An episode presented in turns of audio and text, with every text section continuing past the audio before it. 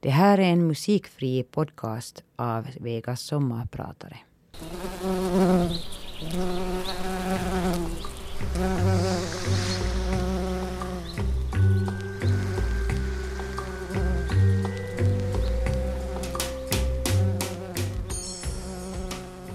Har du lyssnat på Vegas eftersnack på fredagar så har du säkert hört mig kommentera aktuella saker. Eller läser du Husis så har du säkert någon gång läst någon text som jag har skrivit. Idag ska jag ändå tala om någonting helt annat än det jag brukar tala om. Idag ska jag tala om moderskap, om min egen mamma, om förluster och om sorg. Jag heter alltså Jeanette Björkqvist och det är jag som är din sommarpratare idag. Det var ju inte någon unik idé mamma hade när hon sa att hon vill att just den här sången ska spela på hennes begravning. Hon sa det en gång i ett flygplan när vi var på väg hem från någon av våra solsemestrar. På foto som jag tog av oss är vi glada och brunbrända. Vi har varsin liten hörlur i öra och höll på att lyssna på just Adagio for Strings på min iPod. Och så sa hon det. Den här vill jag att du spelar på min begravning. De här idéerna om vad hon vill och inte vill med sin begravning kom alltid då och då. Jag blev lika arg varje gång hon ville tala om sånt. Och nu efteråt minns jag faktiskt inte heller riktigt någonting annat om vad hon ville ha sagt om sin begravning. Annat än just det där. Vilken musik hon vill att jag ska spela. Det är en av de saker som grämer mig idag. Att jag vägrar lyssna. Att jag inte hörde och inte memorerade allt det där som hon ville tala om. Allt det där som på riktigt var viktigt för henne. Begravning, testamente, alla de där råden om hur man uppfostrar barn, kantarellsåsreceptet och hur man sköter blommor. Sådana mammiga saker som man kan tycka att är så fruktansvärt jobbiga att lyssna på för att det alltid handlar om samma saker. Mammatjatet. Det där tjatet som jag nu för tiden ibland saknar så det gör ont runt i hela kroppen. Det finns sådana där korta stunder någon sen ensam kväll när man tillåter sig själv att vältra en stund i sin självömkan. Sådana där stunder när man tillåter sig att tänka tillbaka på tider som har gått. Tider som inte längre kan ändras eller fås tillbaka och som det därför egentligen är helt meningslöst att sitta och sörja över. Men ändå. Ibland gör man det. Någon sen ensam kväll när familjen redan sover tillåter sig att sörja över den där första förlorade tiden som nybliven mamma. Den där fantastiska babytiden som alla lyckorusiga mammor längtar tillbaka till när de ser andras bebisar. Ruset av att vara ett med en annan. Mamma-barn, tvåsamhet tillsammans. Det där som vi aldrig riktigt hade eftersom min lilla flicka inte kunde sova. Så stora delar av vårt första år bara försvann in i ett svart hål av sömnlöshet och utmattning. Det blev istället bara alla de där tröstlösa dygnen som blev till veckor, som blev till månader. Då den här nyblivna mamman satt där i ett hörn i bostaden och grät i kapp med barnet och i de mörkaste stunderna på någon nivå till och med kunde förstå mekanismerna bakom varför någon som är sämre lottad och som lämnas helt ensam kan ta ett beslut om att avsluta det hela. Allt det här pågick på den tiden när mamma ännu pratade. Det var på den tiden när det plötsligt blev hemskt viktigt att få höra om hurdan du själv hade varit som barn. Om hurdan mamma hade varit som mamma. Och hon berättade om hur jag som också hade varit ett oroligt barn brukade lugna ner mig när hon sjöng byssan lull. Så hon sjöng och sjöng. Ända fram till den dag då jag plötsligt hade börjat storgråta för att jag hade förstått vilken förfärligt sorglig sång det egentligen är. Precis på samma sätt satt jag nu därför själv där och sjöng byssan lull och alla andra visor för mitt barn. Sjöng och sjöng utan någon effekt. För min lilla flicka kunde ändå inte sova. Alla de där vinterdagarna som jag släpar runt med vagnen genom meterhöga drivor, timme ut och timme in. De där långa dagarna när jag vagga, läste, prata, lugna, skrek och grät. Allt utan någon egentlig effekt alls. Hennes pappa försökte förstås finnas där så gott han kunde men han var av helt andra orsaker tvungen att tillbringa stora delar av sin tid på en helt annan ort, just under den allra värsta tiden. Så jag satt ensam och tyckte synd om mig själv, om oss och förstås mest om min tröstlösa lilla flicka som Varje gång hon skulle sova var tvungen att först gråta och kämpa mot sömnen i flera timmar. Senare skulle vi få ett namn på det här. Få veta att hon har en störning i sin sömn och vakenhetsrytm. Få veta att det inte egentligen finns någon orsak till det. Att en del barn nu bara är såna att de har svårt att sova. Alla runt oss försökte förstås trösta. Sa att det hör till att småbarn inte sover. Att flickan bara visar på temperament och det är ju bra det.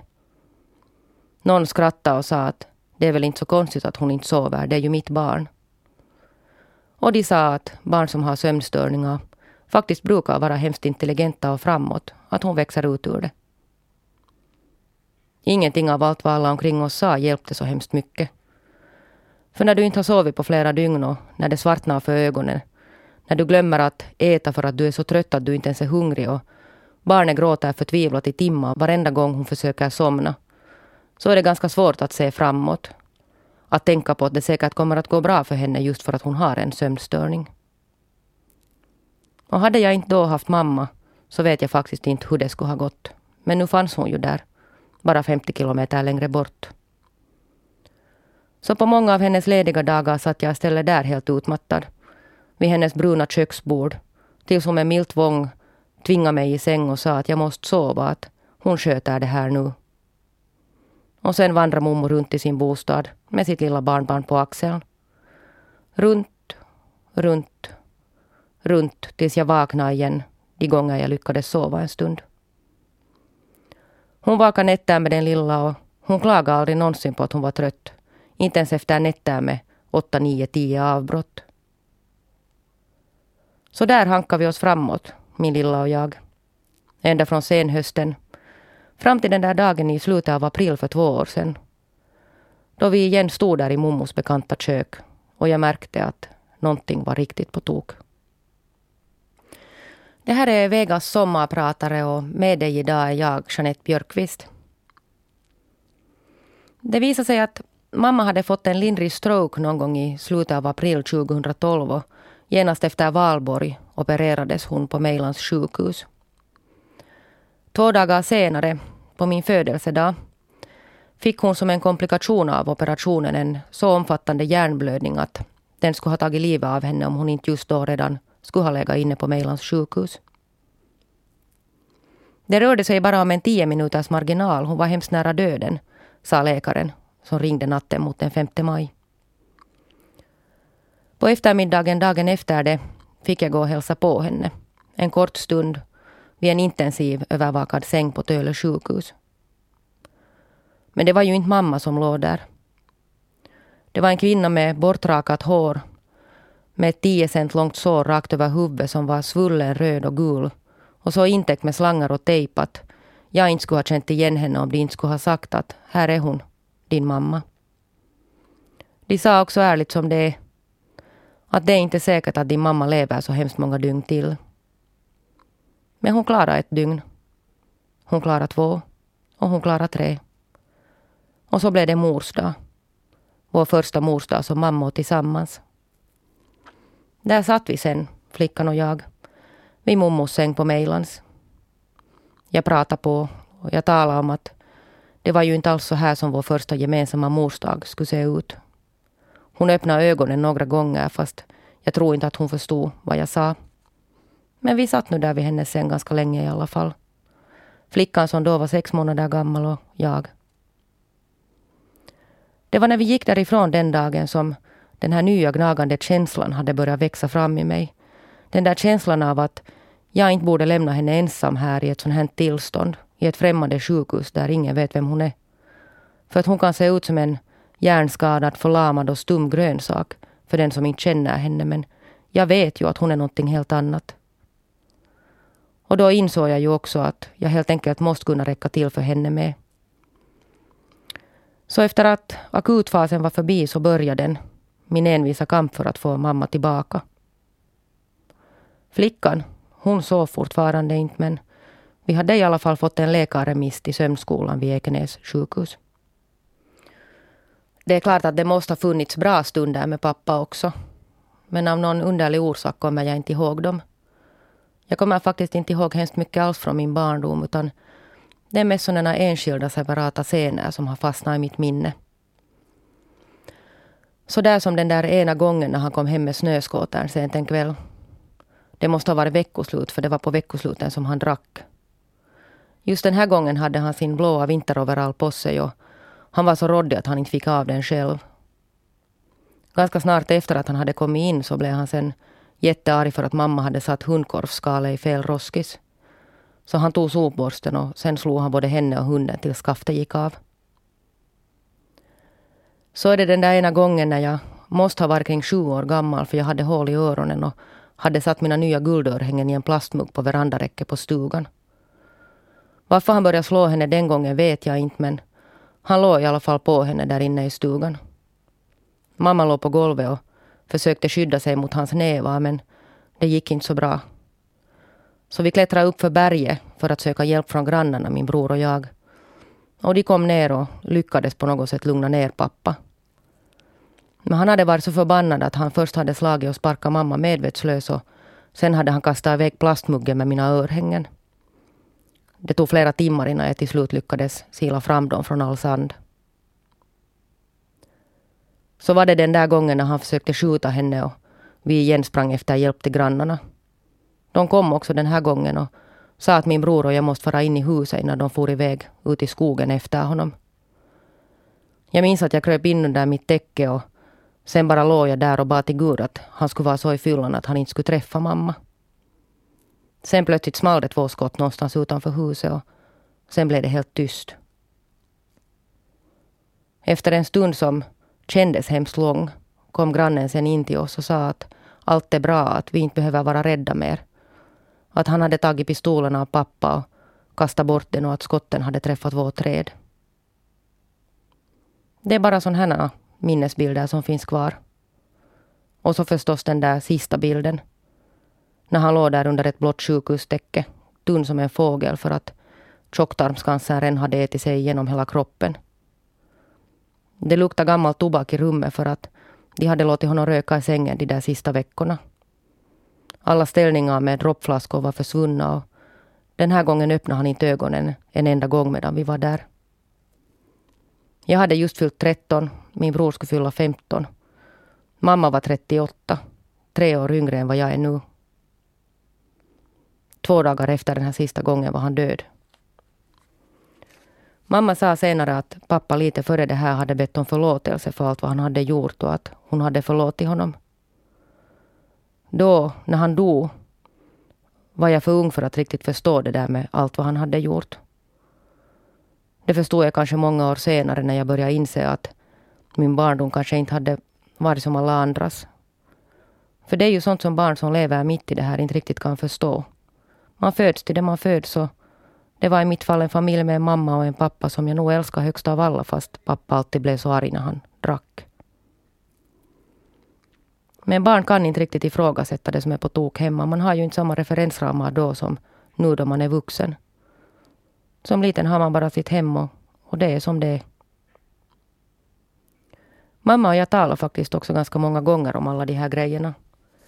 Jag beklagar mig åtminstone någon gång över att jag har så hemskt svårt att minnas annat än allt det där hemska för fortfarande tror jag att det måste ha funnits mycket bra också. Varje gång svarar mamma att jag måste komma ihåg att pappa inte heller hade haft det så lätt som barn och jag kan inte minnas att hon någonsin sa någonting hemskt illa om honom. Det är ju också sånt man tänker på idag. När vänners och bekantas skilsmässor slutar i förfärliga strider mellan föräldrar och barnen hamnar och står där mittemellan. Att det finns sådana som på riktigt har haft det ganska jobbigt men som ändå har lyckats förhålla sig på ett sådant sätt att man gör allt man kan för att minimera skadorna på barnen. Fast visst medgav mamma någon gång att det är klart att hon borde ha lämnat pappa långt före han dog. För att det stundvis var alldeles för jävligt men som det nu blev så var det ju ändå bättre att hon tog slagen så att han inte slog oss ungar. Det ska hon ju ha tack för. För han slog faktiskt aldrig oss. Vegas sommarpratare är tillbaka och med dig idag är jag, Jeanette Björkqvist. Två år efter den där hjärnblödningen sitter mamma fortfarande kvar i rullstol. Hennes tal och skrivförmåga har inte kommit tillbaka och höga halva är så gott som förlamad men hon tränar hela tiden. Och det går förstås framåt. Hon kan upprepa fler och fler ord. Hon kan röra sig till och från rullstolen. Hon kan bo ganska självständigt i en servicebostad med hemvård. Hon förstår vad man säger åt henne fast hon inte kan svara med annat än jo eller nej. Och hon kan bli riktigt arg när man inte förstår att hennes handrörelse den här gången betyder att hon vill gå till banken och inte att hon ska ha nya skor. Men hon är förstås inte samma mamma mer och jag är inte mera barnet utan den vuxna som nu själv måste ta hand om det hela. Det har tagit ganska lång tid att förstå att det är så här det är nu. Att nu är det hon som behöver all hjälp. Hon som alltid har hatat att vara beroende. Hon som alltid har varit den som gärna hjälper andra men som aldrig någonsin kan ta emot hjälp själv. Hon som inte längtar efter någonting annat än att få pensionera sig och bli mommo på heltid. Flickan älskar förstås sin mommo så som hon är nu. Hon hittar alla rullstolsbilder på parkeringsplatserna och berättar att där får bara mommo parkera. Hon tränar sina egna viktiga ord med mommo. Kan du säga Pippi? Kan du säga Bamse? Mommo, kan du säga jo, nä, mycket lite? För det har jag berättat att mommo alltid brukar säga när hon ännu talar. Och mommo har faktiskt lyckats få en hel del av allt det här rätt på sistone. Själv bearbetar jag fortfarande sorgen över att min dotter aldrig kommer att få lära känna min barndomsmamma. Den där mamman som på något sätt lyckades styra upp allt bråk med pappa så att skadorna på oss unga minimerades. Hon som sen senare tålmodigt satt där ensam och tog emot allt tonårsskrik. Som aldrig någonsin skrek tillbaka utan bara lyssnade, stödde och styrde i alla lägen. Hon som alltid bara stod där efter alla motgångar. Stark, stolt, självständig och konstig nog aldrig ens bitter över sitt öde. Den där mamman som alltid kunde säga de ord som gjorde att allt blev rätt och bra igen. Den där mamman som jag ibland saknar så otroligt mycket. Fast hon fortfarande lever. Jag sa någon gång tidigare i det här sommarpratet att det finns sådana ensamma kvällar när jag tillåter mig själv att vältra i självömkan en stund. Men uppriktigt sagt så tycker jag att det är ganska bortkastat att göra det numera. För det är väl en sak som man måste inse i livet. Att de tiderna som har farit så de har farit och de saker som har hänt så de har hänt. Och när man inte kan ändra på det, hur förbannad och ledsen man än är, så måste man ju i något skede försöka anpassa sig till situationen så gott det går för att inte själv gå under av frustration. Jo, ibland är jag så arg på ödet att jag vill skrika. För att det aldrig finns en bra tidpunkt att mista sin mamma men att allt det här åtminstone inte skulle ha behövt komma precis samtidigt när jag själv har fått barn. Och jo, ibland är jag så trött på att aldrig räcka till för alla som behöver mig att jag helst bara vill gömma mig och glömma allt. För att det logistiskt sett är nästan omöjligt att tänja sig så mycket att man till hundra procent räcker till för både jobb, familj, mamma och vänner. Och när man sen i alla fall för länge har försökt slita sig åt alla håll med sitt konstant dåliga samvete så slutar det i en insikt om att den som tiden faktiskt aldrig räcker till för är en själv. Och det är ju inte heller bra. Och ibland är jag så ledsen över att det blev så här att jag bara vill gråta. För att våra roller skulle bytas så här plötsligt och så här oväntat. För att mamma inte får vara den mommo som hon ville vara. Men det är faktiskt aldrig någon annan som klagar på mig eller sakernas tillstånd än jag själv. När jag far omkring och tycker synd om både familj, vänner och mamma så verkar de själva faktiskt för det mesta vara helt okej okay med sin tillvaro. Mamma verkar ha kommit till ro med att det gick som det gick och verkar ha anpassat sig med samma pragmatism som hon nu alltid har tagit emot alla motgångar. Mina vänner, de verkar i lugn och ro vänta på att de ska få sin tid och dessutom orkar de flesta av dem regelbundet påminna mig om att de fortfarande finns kvar. Min nu två och halvt år gamla busflicka uttrycker varje dag en passionerad och trotsig kärlek mot mig. Alldeles särskilt på kvällarna när hon hittar på tusen olika orsaker till varför hon inte vill somna. Och jo, alla som har träffat henne säger att hon är skarp och väldigt framåt. Så där som unga som har svårigheter med sovandet tydligen brukar vara. Och så min man förstås. Som har haft oskäligt mycket med sina egna grejer men som ändå har orkat titta kärleksfullt på mig också de gånger när jag har varit som tröttast och surast och mest stressad. Så kanske man måste lära sig att vara lite barmhärtig mot sig själv också. Ta livet som det nu har varit och är med sorger, förluster, glädje och tillkortakommanden. Nu börjar det vara dags att avrunda dagens sommarprat med mig, Jeanette Björkqvist. Som trots att det här programmet nu blev lite melankoliskt faktiskt är hemskt tacksam och glad över väldigt många saker. En av dem är förstås min familj. Min man fick inte så mycket rum i det här programmet men han har ju ändå alltid funnits där när det har varit som allra jobbigast. Och jag vill faktiskt därför avsluta med en liten hälsning till honom. Ha en riktigt skön sommar.